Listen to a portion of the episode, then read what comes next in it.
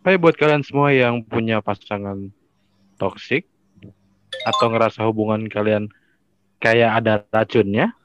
Selamat datang di podcast Mimisan Minggu-Minggu Santai bareng gua Prabu, Riyadi, dan Eja. dan Hario. Mimisan Podcast Sudah Sudahi semua bicara Ku ingin segera berdua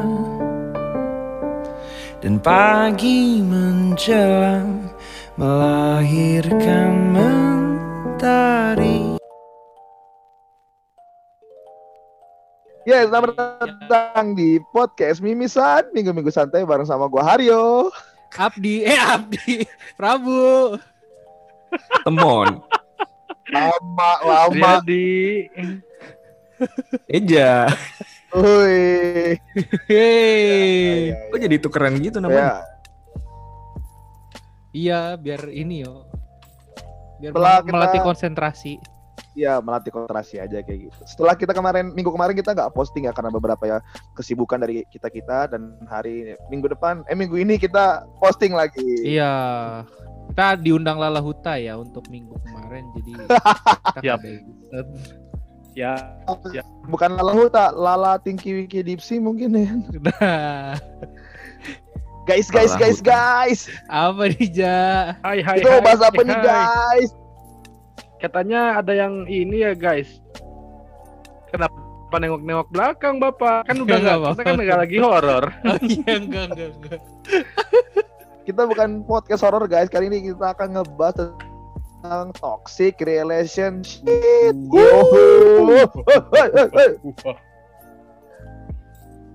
Mungkin eh, topik toxic relationship ini menjadi eh, perbincangan hangat setelah eh, film Story of Kale mungkin kan. Kalau teman-teman udah nonton filmnya dan kita bukan sedikit spoiler sih. Itu eh, di alur besar ceritanya Story of Kale itu mengandung unsur toxic relation. Itu udah spoiler. Udah spoiler. Oh, di dalam inti cerita itu ialah toxic relation. Nah, Tadi dia bilang bukan mau spoiler ya. bukan mau spoiler tapi apa namanya itu kalau bahasa kerennya clickbait. Sinopsis. Oh, klik. Clickbait. Nah, mungkin eh, buat teman-teman semua kita langsung undang aja orangnya apa kita jelasin dulu nih? Lu selalu bingung gua. jelasin dulu dong, jelasin dulu. Jelasin dulu lah. Kenapa? Kenapa apa nih? Kenapa apa?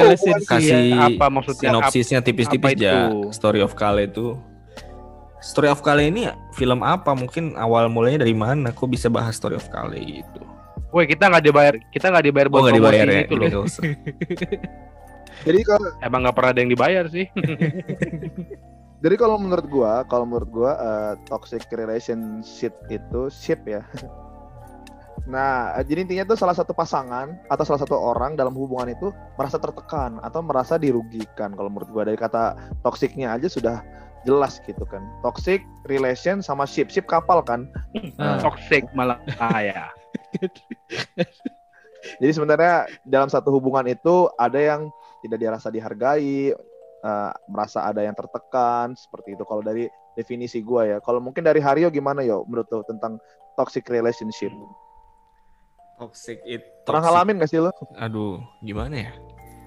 Agak berat sih. Maksudnya definisinya lain-lain sih. Tapi kalau gua yang gua Iya. tonton dari itu film, kayaknya uh, toxic relationship itu kayak nggak ketemu sih harapan yang dimau dari relationshipnya. Terus ya dipertahanin begitu terus. Harusnya kan uh, harusnya diomongin kan. Apa ada masalahnya apa? Tapi Hmm. be- begitu begitu terus muter-muter terus akhirnya jadi nggak ada jalan keluarnya. Nah itu makanya disebut toxic. Nggak nggak Jadi nggak intinya ini, hanya nggak di sehat, berarti nggak salah satu pihak doang ya. nggak sehat intinya gitu. Iyalah orang nggak pernah jogging bareng Eh, pacaran. Sepedahan tapi Ja. Kalau push up bareng gimana aja? Olahraga di kamar. Bisa olahraga eh, anjing gaya anjing bisa kan? Apa? Batin bisa gaya anjing, bisa gaya dog, doggy style. Oh. Kan doggy style anjing. Oh gitu ya. Batin juga bisa gaya manusia kayak anjing juga bisa. Hmm. Tapi Bacin kan harus kayak begitu ja gayanya. Karena kan kalau cowok kan sama cowok memang begitu posisinya. anjing Tuh kan ngaku kan. Dia anjing-anjingin. bangsat Kalau bacin manusia kelakuan amit anjing. amit Kalau- amit ya allah amit amit ya allah ih Kalau Ih. ba kalau bacin itu posisinya depan-depanan pedang. Tang tang Oh. tang tang. tang. Apa? Nah, kalau lu ini kenapa kalian ini kenapa kalian pada tahu sih jangan kalian pernah ya Ya kan lu pernah cerita. kapan gue cerita anjing bilang gue nggak pernah ya tai Bukannya lu waktu itu pernah nge-share video lu ke gua. bangsat Nah, coba bos kalau menurut lu bos toxic relation tuh apa sih Kalau bos? menurut gua toxic relationship tuh artinya hubungan yang kalau lu jalanin akhirnya jadi nggak sehat buat salah satu dan lainnya gitu loh. Ada Karena- pihak yang dirugikan gitu. Kalau satu banyakan makan mecin makanya nggak sehat Iya. atau gimana? Kalau ini dia pacarannya ke ini fast food fast food, junk food junk food Oh, gitu. benar-benar. Jadi nggak sehat. Ini sering terjadi tapi orang tidak sadari guys. Nanti ada teman kita yang bakal cerita. Gila ini, ini parah. Narasumber kita ini Iya. mungkin posisinya benar-benar kayak si Dinda di Story of Kale ya. Story Yo, of Kale. Masuk. Dia sebagai didanya atau sebagai kalenya ya? Kayaknya Nah. dia sebagai anak Bene deh. Oh, Ini sebagai sutradara deh. Nah kalau Kale kayak nama kayak nama sayur Kalau lu gimana Cin? Kalau menurut lu eh, itu jam di belakang lu gimana posisinya? Wen, baru Oh. dapat semalam Wih. Gimana sih Cin kalau dari sudut pandang lu sebagai eh, laki gitu kan toxic relation tuh kayak gimana sih? ya toxic relationship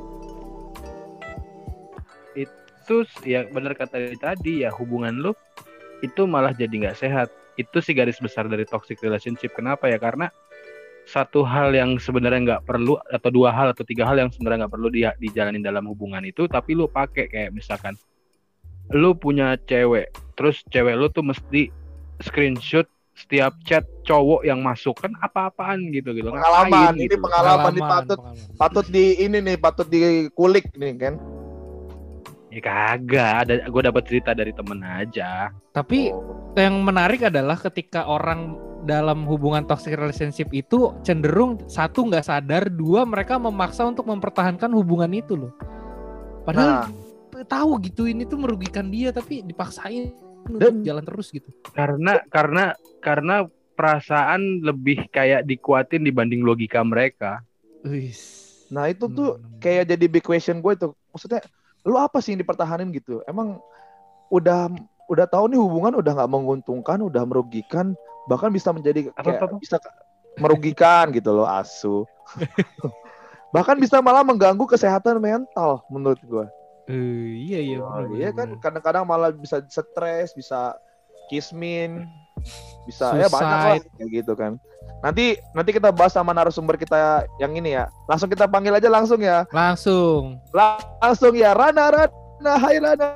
Rana Del Rey, Rana Del Rey. Hai Rana Rana Rana Rana. Rana Apa De kas, apa Palco. kas? Falco apaan? Rana El Papito Rusmano. Hai Rana. Rusmano ya. Ada Rusmano. Cuma Oh. lu Mano. Kita misalnya kayak Muhammad Reza Rusman binti Rana bin siapa kan supaya kan menggabung-gabungkan. Papito. Ada binti rananya. Hai Rana, apa Nama kabar? baru nih El Papito. Hola, hai. Ola ola. Seperti biasa Rana aku ingin menggombal tapi set habis gombalan saya. Aduh. Saya lupa habis kata-kata gombalan saya. Saya belum ada nanti kalau saya ada saya ini aja ya. Saya di akhir-akhir saya cari gombalan-gombalan seru nih kayaknya. Gombalan yang minggu Gimana lalu Rana dipakai. kabarnya? Iya. Apaan? Oh iya. Gombalan minggu lalu dipakai yang buat Mona. Dia kan Ran. gak deng dia kan gak dengerin podcast mimisan tuh. Eh, iya. Halo Rana. Eh Ran, Rana. Yes. Tahu kamu bedanya kamu sama penyanyi dangdut nggak? Eh, apa kalau misalnya penyanyi dangdut biduan, kalau aku berduaan? Apa sih? Waduh. Wah, hampir bener. Waduh. Hampir bener. Kalau kalau tadi dia bisa nebak, gua gua keluar deh. Ya Kalau- udah pernah nggak tahu nih. Iya. Ah, udah tahu ya? Enggak enggak. Apa apa jadi apa dong? Kalau penyanyi dangdut biduan, kalau kamu biduan. Uh. Hmm. Gerah gerah gerah keras. Apakah nanti ada ormas-ormas datang? Kenapa jadi orang? Gimana Rana? Apa kabarnya nih? Alhamdulillah sehat walafiat. Nah, kita mau ngebahas sedikit tentang masalah toxic relation. Nah, mungkin eh, dari Rana itu sendiri pernah nggak sih kayak ngalamin kalau misalnya kita eh, sedikit eh, ngebahas tentang masa film Story of Kale gitu kan. Nah, posisinya kan mungkin ada dua persepsi gini kan. Kalau ada yang di satu sisi memandang kayak wah ini yang salah si Kale nih, misalnya. wah ini yang salah si Dinda nih, atau ya ya berbagai macam sudut pandang lah. Nah, kalau lu sendiri lu punya nggak sih pengalaman tentang toxic relation gitu? Hilang nih, hilang. Berat ya.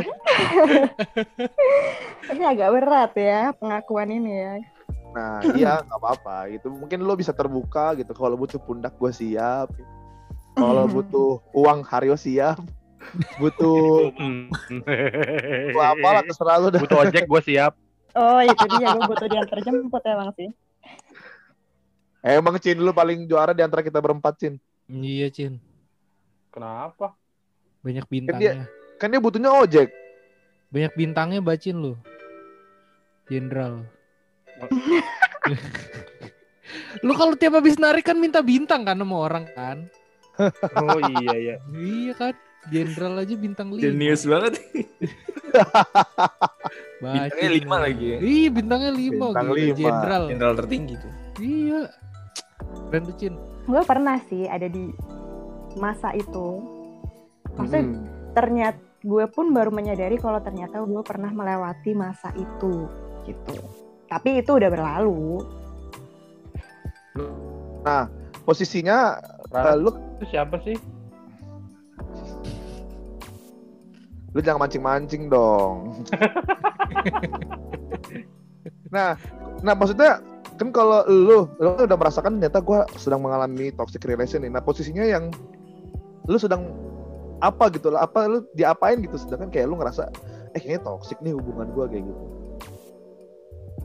Iya, jadi kalau saat itu, maksudnya saat gue berada di posisi itu tuh gue merasanya ya, ya namanya orang jatuh cinta anjay. Anjir, Ya, Jijik iya. gue jijik banget sih. jatuh Nah, cinta sih semua namanya- dikasih kan?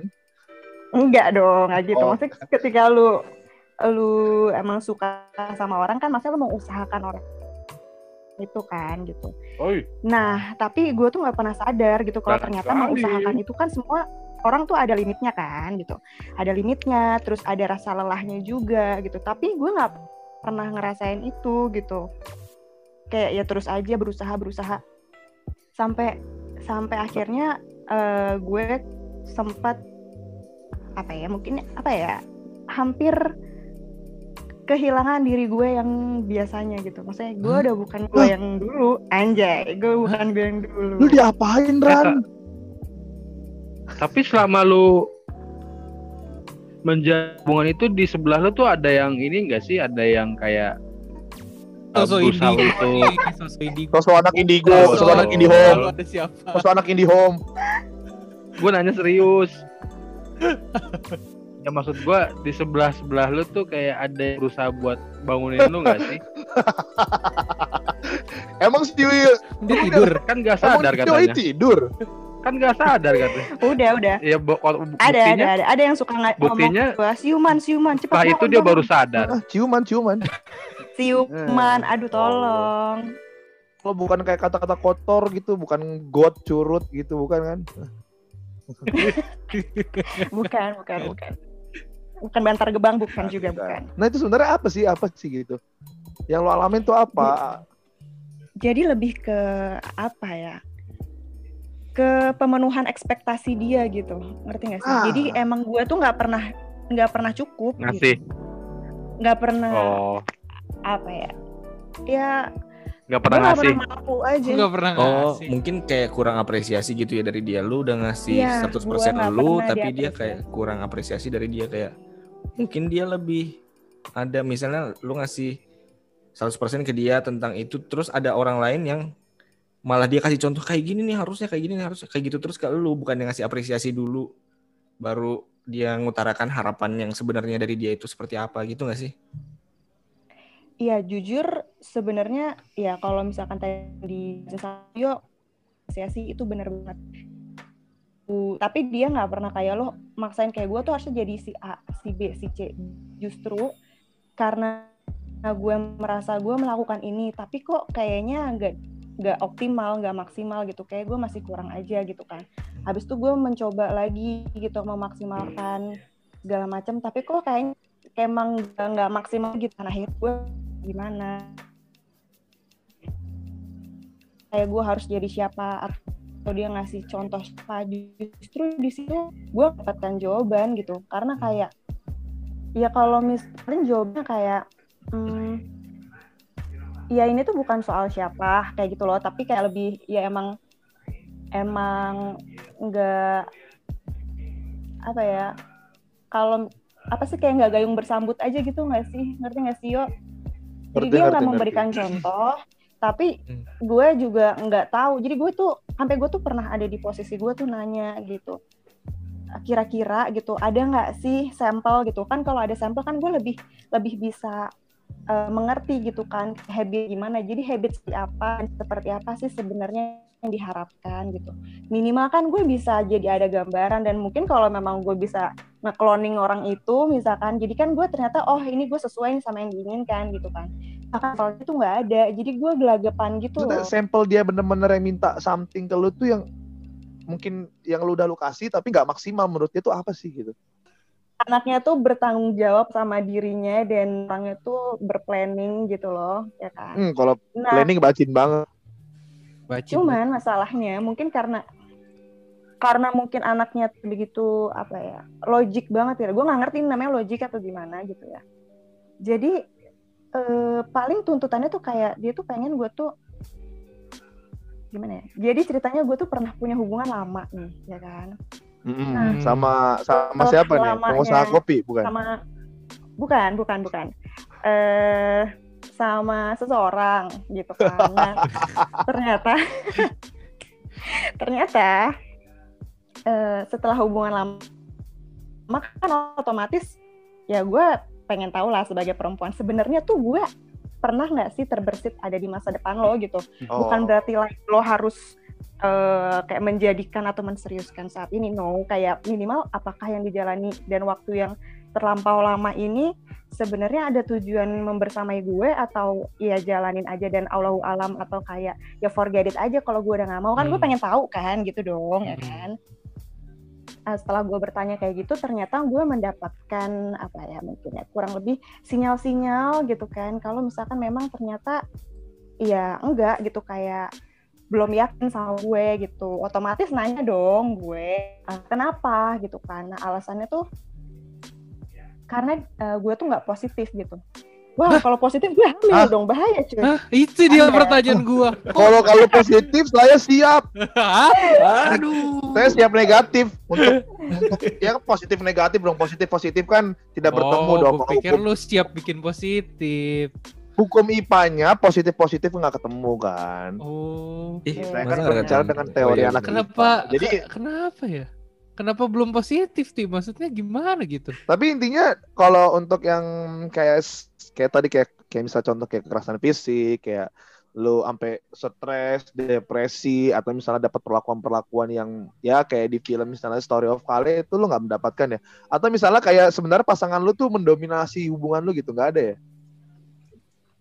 Eh, gue sih nggak ngerasa mendominasi nih. Jadi karena gue udah bilang kan nih orang tuh eh, baik personalnya dan menurut gue kenapa gue bertahan lama? Gue tuh pacaran lama kok, lebih dari lima tahun sama orang ini. Karena gue merasa gue aman sama Ngomong dia. yo, Karena dia ngomong. orang yang bertanggung jawab, dia orang yang visioner gitu. Ketika gue merasa gue nggak mampu melaksanakan sesuatu gitu atau gue butuh bantuan, pasti pasti gue ke dia gitu, gue diskusinya ke dia dan dia memang orang yang selalu bisa eh, mencari solusi dan membantu gue gitu. Nah, oleh karenanya mungkin itu menjadikan gue terlalu nyaman dan gue terlena gitu loh. Sehingga yang ada di hadapan gue, fokus gue hanya dia. Karena menurut gue, dia itu cukup buat gue gitu kan. Nah, setelah gue merasa nyaman, gue merasa dia itu cukup buat gue gitu. Ya jadinya mungkin entahkah entah gue yang terlalu baper, entah gue yang terlalu berharap sehingga akhirnya gue bertanya lah sebenarnya setelah apa yang kita lewatin sekian lama ini, lo tuh ada set goals nggak sih sama gue gitu kan? Nah ternyata selama ini tuh gue aja gitu yang eh, dipenuhi sama dia karena dia orang Punya yang set goals. solutif dan baik gitu kan eh, perlakuannya. Nah ternyata dia nggak yakin sama gue. Nah alasannya adalah soal positif ini nih yang akhirnya gue tanyain positif tuh gimana ya gitu kan? Apakah positif itu kita nggak pernah uzon sama orang itu kan positif dong berpikir Hmm. positif betul kan? Atau positif adalah mengucapkan kalimat-kalimat positif. Even itu kita marah kita mengambil kosakata yang positif. Itu bisa dong berarti positif dalam berkata. Iya nggak sih? Hmm. Kata-kata positif. kayak asyhadu alla ilaha illallah bukan? Atau Terus bener, kalau lagi marah syahadat. gimana kata-kata positif? ya nadanya aja intonasinya agak tinggi tapi kalimatnya tetap asyhadu Allah kan bisa. Oh, asyhadu Atau alla misalnya ilaha kayak- atau misalnya dia lagi marah kan positif, positif, Nah, iya kan itu bisa bisa. Hmm. Tapi gue penasaran deh, Tim. Maksudnya gini, ketika lu sama dia pacaran dan bilang yang nggak positif, kalian selama pacaran apakah kalian melakukan hal negatif? Misalnya jualan ganja atau maling motor gitu kan enggak kan? Atau misalnya sabu sih Jualan sabu sabu. ataukah dia menjual ini apa namanya Netflix Netflix yang palsu Spotify palsu kayak gua gitu kan gua beli yang itu, itu asli jang cuman mu, cuman dihack iya Enggak dihack, Cin. Itu Dia ngambil akun. Dibagi Ah. lima. oh iya ya oh iya Iya. benar-benar jadi hack berarti ah lu ketahuan Cin. nontonnya Itu video.com legal. gua mau youtubean pakai P YouTube oh YouTube nah nah nah nah nah nah guys Lu guys juga guys, bisa, guys. nah, nah, nah, nah, nah, nah. nah nah nah Gitu. Nah, jadi tadi kan eh, Udah. Steve Rana ini kan, oh, kan hampir kecempol lagi. Nah, si Rana tadi kan sudah eh, sedikit menceritakan. Nah, si Rana tadi kan sudah menceritakan eh, sedikit gitu kan. Oh, ternyata dia dan pasangannya, eh mantan pasangannya seperti itu. Nah, gua ada beberapa tanda-tanda toksik nih yang bisa ditemuin ketika kalian sedang berrelationship. Mau tau nggak guys? Mau dong. eh tar dulu. Eh tar dulu. Gua boleh nanya satu hal nggak? Apa tuh, Cin? Apa tuh guys, guys, Eh, guys, guys, Rana. guys? kerana kerana apa tuh? Lu sadar hal itu ternyata menjadi toksik itu setelah terjadi sesuatu apa? Maksudnya Ah, terjadi apa? Setelah orang tua Atau, gue nunggu iya. gue. Jadi akhirnya nyadarin gue orang tua gue sendiri. Di- Orang dia ngasih surat teguran ke lu? Iya gue di SP3 cuy Oh, atau waktu, gue mau dicoret dari kakak canda. Atau waktu waktu atau waktu itu eh, orang tua lu manggil uya uya bangun bangun bangun. Dalam hitungan ketiga kamu akan sadar. Satu dua tiga close the door. Enggak kan ya? Iya udah. Gue langsung pingsan. Nggak ada yang canda. Kenapa Eh, wah hebat sekali dari uyak berarti ke Deddy selama- Corbuzier selama lu pacaran sama si cowok ini ya lima tahun, lu sama orang tua lu nggak tegur-teguran? Enggak dong bukan gitu. Justru justru eh kenapa emang bisa nggak tegur-teguran sih cuy? Katanya lu baru sadar setelah ditegur sama orang tua lu. lu lu benar. nggak tegur-teguran? Enggak, selama ini gue cuma pakai gestur kedip mata aja cuy. Nggak pakai Oh, kalimat. Jadi tegurannya tuh nggak pakai nggak pakai vokal gitu loh. Komunikasi. Non Biasanya kalau verbal misalkan ya. Eh, Ah, kalau benar. misalkan dia dia ngomong-ngomong lapar gitu dua kedipan mata gitu kan. Iya. Bener kalau kedipan sebelah kanan aus sebelah kiri lapar gitu. Emang lu dulu jalanin hubungan sama mantan lu ini lima tahun? Ya lama lah pokoknya lah. Lebih dari itulah. Lama lah. lebih dari itu berarti motor bisa lunas ya? Iya harusnya Kita anak gue ada- bahkan udah SD kita, kayaknya. kita, anjay. Kita nggak ada yang berani kita nggak ada yang berani nyebutin orangnya. Tadi lu kuliah Cin? jadi jadi sebenarnya ny- gini loh. sebenarnya tuh enggak enggak. Sebenarnya tuh selama gue menjalani ini tuh kayak normal aja. Nah, akhirnya ini mungkin mungkin sekarang juga posisi lagi crowded ya. Namanya juga orang udah lebih dewasa, terus ada juga urusan-urusan kantor, kerjaan segala macam. Jadi akhirnya membawa ke perubahan di diri gue. Dan itu tuh terjadinya kayak memang baru-baru di dewasa ini ngerti nggak sih? Jadi bukan memang ini tuh toxic Perubahan ke arah mana? selama ini gitu. Ke arah kalau yang dirasa ya gitu kan. Gue tuh jadi temperamen gitu. Uh. ngerti nggak? Nah gue tuh temperamen tuh gara-gara apa?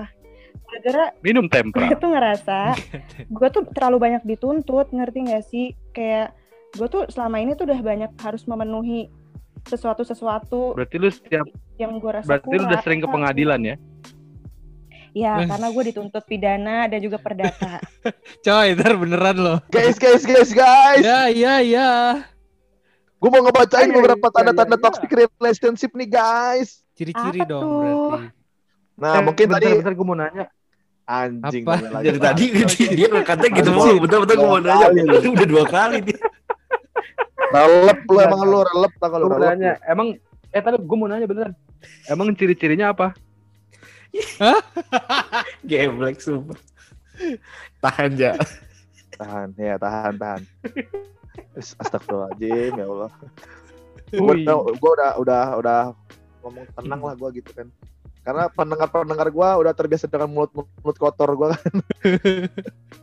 gue harus sedikit Kenapa lu tenang. habis nih, makan kan. gak, dicu nggak dibersihin? Enggak habis punya got gue.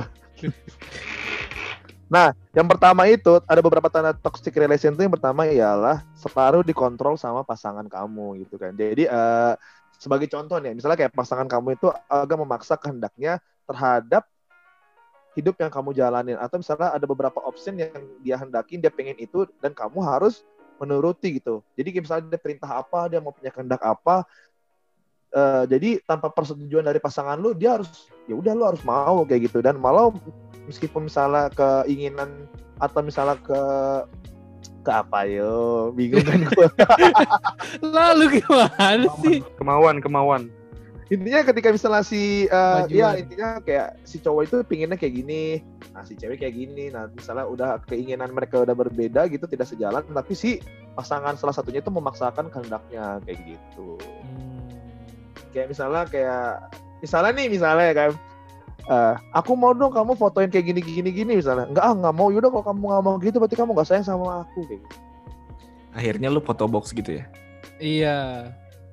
Nggak ada dong apa Eh, jadi stempelnya selalu foto ya pengalaman lu selalu berkutat sama foto ya. Kalau enggak lu yang Iya. selalu maksa minta kalau enggak lu dimintain foto terus kayaknya gitu Iya. nih Yo, untuk fotobox tuh baru sekali kan kan cogan, kan cogan. Cogan. Pernah diupload sama websitenya apa kampusnya dia loh.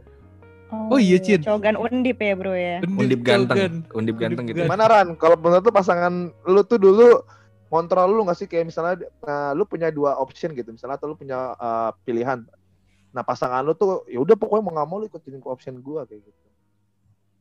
Kalau misalkan itu sih kayak zaman zaman SMA ya kayak ya SMA kan suka sosok ala ala larang larang gitu kan. Tapi Mm. kayak itu mah masih hubungan yang normal aja zaman kita kecil.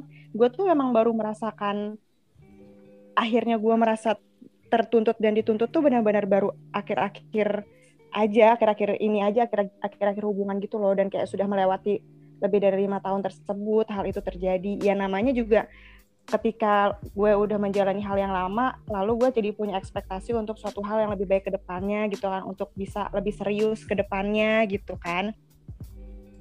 Jadi gue pengen upgrade diri supaya gue memang pantas dan bisa memantaskan diri untuk bisa membersamai di kehidupan di depannya gitu. Tapi ternyata yang gue dapat adalah eh, ya mungkin kayak evaluasi evaluasi dari gue gitu loh. Kayak kurang ini kurang ini bukan kayak gini nggak kayak gitu.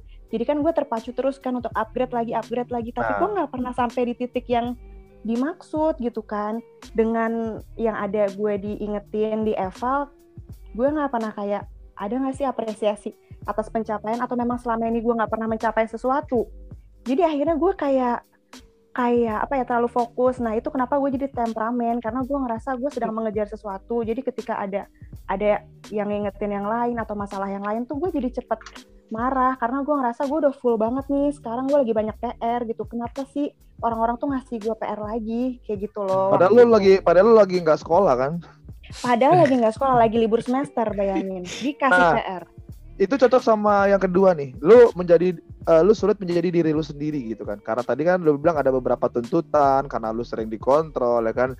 Jadi itu malah lu nggak menjadi diri lu sendiri. Bahkan lu bisa menjadi orang lain gitu kan atau bersikap seperti yang dia inginkan bukan menjadi yang lu inginkan gitu kan jadi ketika dia mau apa lu ikutin dia lu maunya apa eh lu maunya apa lu nggak pernah didengar kayak gitu. Intinya apa pun yang dia mau lu harus ngikutin. Makanya tadi lu bilang lu upgrade lu upgrade iOS Android ya kan? Nggak nggak nggak nggak ini kan nggak nggak memenuhi ekspektasi pasangan lu karena ya itu lu sulit menjadi diri lu sendiri kayak gitu. Nah, ketika lu udah sulit menjadi diri lu sendiri juga dan lu tidak mendapat dukungan dari pasangan lu tadi yang kayak Aryo bilang ya kan, nggak ada apa namanya appreciate ke lu gitu kan, nggak ada apresiasinya sama lu. Nah, jadi itu sih ciri-cirinya tuh udah satu, udah dapat tiga tuh, cepet kan gua kan. Sebenarnya ada berapa ciri nih? Nah, yang Oh, yang keempat ciri-ciri. nih, yang keempat paling pamungkas nih. Sering Bambang. telat dong. Apaan? sering dicurigai dan dikekang. Nah ini, ini nih yang mungkin teman-teman udah nonton Story of Kale kan, wah cemburuan banget, oleh waktu. cemburu banget, posesif, protektif. Wah itu parah banget sih. Tidak peduli, dia tidak peduli. Masalahnya Anda pampung-pampung dong. Ketika lu dikekang gitu Ran gitu, eh maksudnya ketika lu eh, menghadapi eh, menjalani hubungan lu tuh, lu ngerasa dikekang gak sih sama pasangan lu? Atau misalnya pasangan lu tuh posesif juga ke lu gitu? Enggak. Enggak, enggak. Jadi bener-bener yang kalau kayak kekerasan, dikekang itu tuh nggak ada sama sekali. Gue tuh bener-bener kayak masalahnya pada akhirnya yaitu gue akhirnya merasa gue perlu mengupdate diri, akhirnya gue meninggalkan dan melupakan diri gue yang lalu.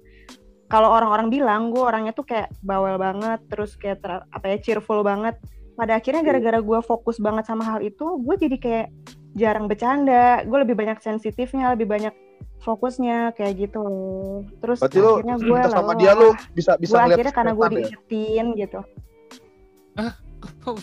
Jadi sensitif. Kan setelah dia pacaran oh cowok ini iya kan sensitif benar. lebih Indra sensitif. keenam gue kebuka Oh. langsung. iya. Hmm, hmm. Indra L. Serem Brookman-nya kebuka kan. sekali. Jadi pertanyaan gue Ran adalah ketika lu melakukan itu kan lu seperti eh, merasakan pengorbanan cinta kan kayak ah ini pengorbanan cinta gitu kan nggak ngerasa yang kayak lu terbebani Iya, gitu nggak sih? Iya kan, itulah orang-orang Iya, gue selalu ngerasanya sadar.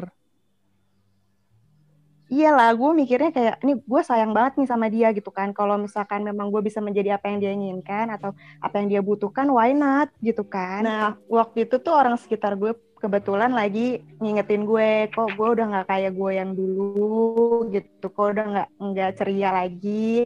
Pas kebetulan gue juga lagi capek, jadi masuklah ke perasaan gue. Kalau gue harus balik lagi kayak gue yang dulu yang ceria, terus gue diingetin ayolah balik lagi kita tuh harus jadi yang apa adanya. Selama itu positif dan gak nyinggung ataupun mengusik orang lain kita harus jadi diri kita yang eh, biasanya. Nah di situ gue balik lagi kayak oh iya ya kenapa gue harus berubah? Toh selama ini selama yang dilakuin itu nggak ngerugiin orang lain kok. Gue harus nggak jadi diri gue yang dulu di situ akhirnya gue mulai kembali lagi ke diri gue yang dulu gitu yang apa adanya kayak gitu. Yang suka cerita Iya, yang yang suka kalau misalnya apa-apa tuh eh, suka mengemukakan kayak gitu kan. Suka, Suka berbagi suka sharing. Berbagi. kemarin-kemarin tuh gue lebih banyak diem. Lebih banyak diem lu bingung kan apa yang harus berbagi lu lakuin gitu kan.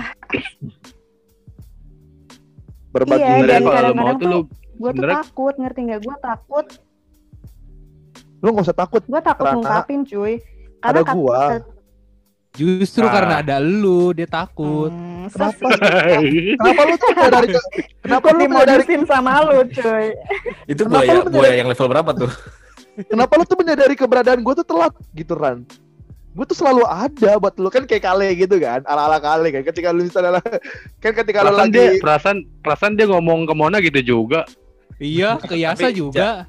Ja, tapi masalahnya si Kale itu dia ngelindungin si Dinda dulu kan, baru dia ngomong kayak gitu.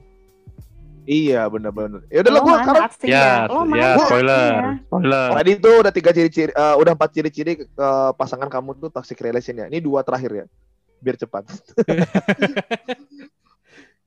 sering dibohongi jadi ketika misalnya eh, pasangan lu udah sering bohong gitu kan karena kan kejujuran itu ialah fondasi sebuah hubungan yang benar, hubungan yang sehat. Ketika udah pasangan lu sudah udah gak ada kepercayaan, udah sudah tidak ada lagi kebenaran, sering berbohong ya udah berarti itu termasuk di toxic relation. Dan terakhir nih, terakhir ya biasanya uh, toxic relation tuh sering banget didominasi sama yang namanya Dia ngomong kekerasan fisik. Nah, tadi dia pas ngomong iya tuh gue kira dia mau ngomong iya Toiba. ya toiba. Nah, jadi sebenarnya kalau orang-orang yang terjebak dalam toxic relation tuh berpotensi dia kehilangan rasa percaya diri dan kebahagiaan. Kayak mungkin tadi si Rana tadi kan beberapa hari si Rana sering diem ya kan. Karena si Rana itu mungkin ah, meskipun Rana tidak mendapatkan kekerasan fisik dari pasangan ya, tapi di sini tuh si Rana malah hilang kepercayaan diri, hilang kebahagiaan. Tapi kalau misalkan eh mesti ngabarin setiap kayak setiap menit gitu itu toxic nggak sih? Eh, ya toxic dong kalau menurut gue itu salah satu eh, di bagian eh, tadi yang poin pertama dikontrol oleh pasangan. Jadi kayak itu berarti udah ada udah gak ada kepercayaan juga dari pasangan lu ke lu kayak gitu. Tapi kalau apa namanya eh, reason- eh, apa namanya Untuk dia apa melakukan itu dijalani karena reasonable kayak misalnya dia eh, Ah. membuat kayak gitu karena dia habis ngegap pasangannya melakukan sesuatu gitu kan yang istilahnya main di belakang gitu kan ya itu kan reasonable sih kalau menurut gua tapi kalau misalnya emang Main Uno di belakang. gak ada alasan apa-apa dia dikit-dikit minta di pub ini dong lagi mau pergi ini pub ini terus apa eh, harus ngabarin tiap menit tiap detik jam menit detik hanya untuk berdua ya kan udah kayak lagu. Apa itu? Isyana. you know me so well You know me so Oh well. iya. Guys, guys, guys, guys, Bisa, guys. bisa. Hey, Biasanya tuh orang-orang yang terjebak di toxic relation itu gila. ngerasa Ari. Ari belum kelar lu udah pindah topik. bukan, gue masih nyambung sih sebenarnya. Oh, sih. Nah, Kayak tadi misalnya kan ada beberapa kalau dari film kayak Story of Kale, misalnya ada ada beberapa dari pengalaman temen gue gitu. Karena mereka ngerasa kayak eh, misalnya, misalnya teman gue malah ada beberapa kali itu pernah dapat kekerasan fisik, main tangan, ucapan kasar, main bola. Hah? kok main bola Menurut gue eh, beberapa kasus ini orang-orang yang terjebak dalam toxic relation itu udah susah banget cuy keluar dari hubungan yang kayak gitu karena ada beberapa yang mereka ngerasa kayak udah terbiasa kayak gitu. Gue pernah malah denger podcast juga ya. Sorry nih, ini emang sedikit eh, ada hubungannya dengan seks ya. Jadi kayak misalnya ada pasangan, jadi ketika mereka hubungan seks mereka tanda kutip ya ada kekerasan verbal ya, kekerasan verbal, kekerasan fisik kayak gitu. Nah, ketika pasangan itu putus, dapat pasangan yang lebih baik, nggak pernah diapa-apain, malah si Ya. cewek ini malah komplain. Kok gue nggak pernah diginiin Ya, ya sama balik. pasangan gue ya? Kok pasangan gue Maksokisme. maksudnya apa sih Markusokisme Itu namanya maksokisme dodol. iya maksud gua karena ada mungkin ada beberapa orang Habis kalau lu menyadari- yang ngomong kayak nggak serius gitu sih, Cin. Lo tahu Iya. nggak? Eh, beberapa orang nggak menyadari apa. iya apa beberapa aja? orang nggak men- nggak menyadari kalau mereka tuh sedang terjebak di toxic relation kayak mereka Oh, udah wow. Ada wownya nggak? teman-teman punya nggak sih cara-cara yang handal gitu untuk menghadapi toxic relation gitu Kiat-kiat. kiat-kiat gitu kan Kiat-kiat. jadi buat Iya. teman-teman di luar di Eh, komentar. boleh nggak ngasih saran sebagai boleh boleh boleh sebagai alumni gue boleh nggak? Sebagai Boleh, alumni. Kasih saran. Asik alumni buat teman-teman yang lagi terjebak nih misalnya dalam toxic relation yang hubungannya lagi di dipecut-pecut gitu kan buat teman-teman yang mungkin belum sadar ya, namanya juga belum sadar ya. Tapi kalau misalkan ketika kalian menyadari ada sesuatu hal yang salah gitu, eh coba deh buat kalian sharing entah tuh sama siapa pun orang yang kalian percaya gitu. Kalau aku sih menyarankan, please banget DM gua jangan ngelakuin hal-hal yang kayak suicide, suicide kayak gitu. Maksudnya ya apa ya? eh, mungkin kayak kayak ya itu kan tapi hal yang bisa menenangkan gue gini-gini segala macam gak salah. Maksudnya setiap orang pasti punya perlakuan masing-masing yang dibutuhin gitu kan dan yang yang bisa bikin dia relax gitu.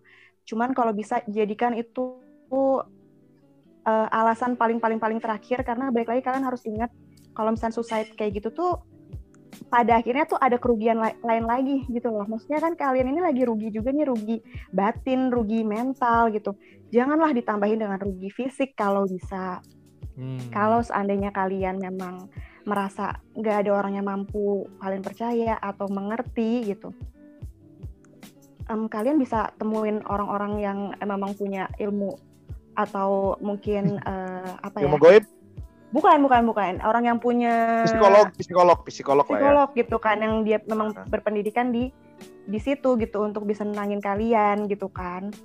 Banyak Atau kok kalau- di mana pun gitu. Teman juga boleh kalau memang dia enggak, enggak boleh. Jadi psikolog itu memang dia nggak boleh menangani orang yang dia kenal gitu. Ya mungkin kalian bisa minta saran dari teman kalian yang mungkin temannya psikolog ataupun rekomendasi dari siapa gitu. Karena jujur ya itu benar-benar semenenangkan itu.